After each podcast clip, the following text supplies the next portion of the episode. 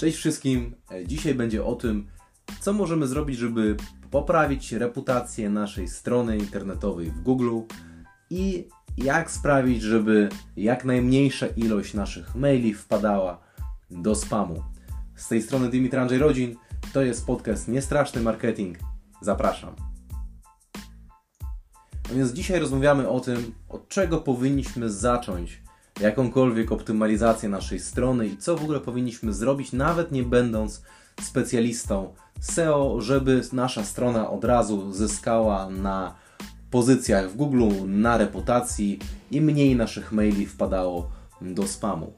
Mało kto o tym wie, ale w momencie, kiedy kupujemy domenę i umieszczamy ją na hostingu, to najczęściej dostajemy tak zwany adres IP, który jest współdzielony.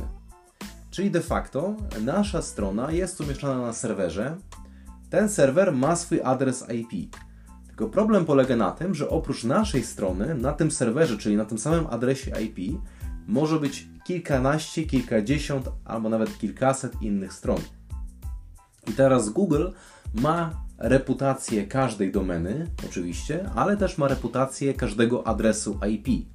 I teraz, jeśli na naszym adresie IP oprócz nas jest ktoś jeszcze, to my wszyscy razem budujemy właśnie reputację tego adresu IP. I teraz wyobraźmy sobie, że inne strony na tym adresie, nie mamy na to wpływu, decyduje o tym dostawca hostingu, e, że te inne strony będą miały wirusy, będą robiły jakieś spamowe roz, e, wysyłki maili, będą e, miały jakieś skamy na tych stronach i tak dalej, i tak dalej. To spowoduje, że Google automatycznie będzie traktował nasz adres IP jako adres potencjalnie niebezpieczny dla użytkowników.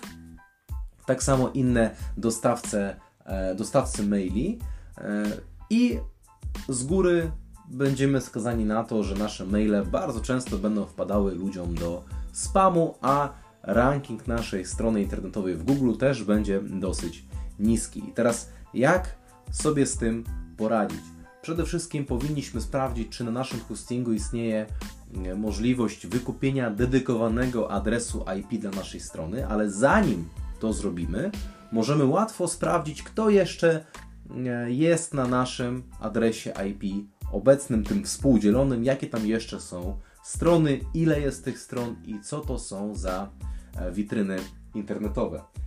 I teraz strona, e, której, e, którą ja używam do sprawdzania właśnie tych adresów IP, ona się nazywa dnslytics.com. Link będzie w opisie do podcastu.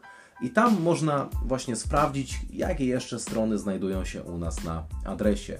E, myślałem, że e, jak wykupiłem drogi hosting, no to że na tym adresie może być góra 5-10 innych firm. Okazało się, że było tam kilkadziesiąt e, stron, w tym też strony z filmami dla dorosłych i tak dalej, i tak dalej, więc tutaj nie trzeba więcej za bardzo tutaj mówić.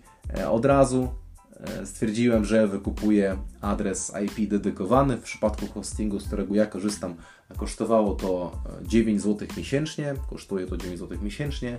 No i możemy po jakimś czasie e, dopiero mieć pewność, że jesteśmy na tym adresie IP sami, ponieważ przeniesienie naszej strony na ten nowy serwer e, z dedykowanym adresem IP też zajmuje kilka do kilkunastu dni. Dlatego kiedy wykupimy sobie ten dedykowany adres IP, po jakimś czasie, ponieważ też Google nie reaguje natychmiastowo, e, zobaczymy znaczącą poprawę wyników naszej strony w wyszukiwarce i mniej naszych maili będzie wpadało do spamu. E, jeśli chcecie, żebym pomógł Wam z właśnie wykupieniem tej dodatkowej usługi, ustawieniem strony tak, aby ona lepiej się wyświetlała w Google i przestała wpadać do spamu, piszcie w komentarzu lub bezpośrednio do mnie dimitrmałpa.rodin.pl Zapraszam. To był podcast Niestraszny Marketing. Do usłyszenia następnym razem.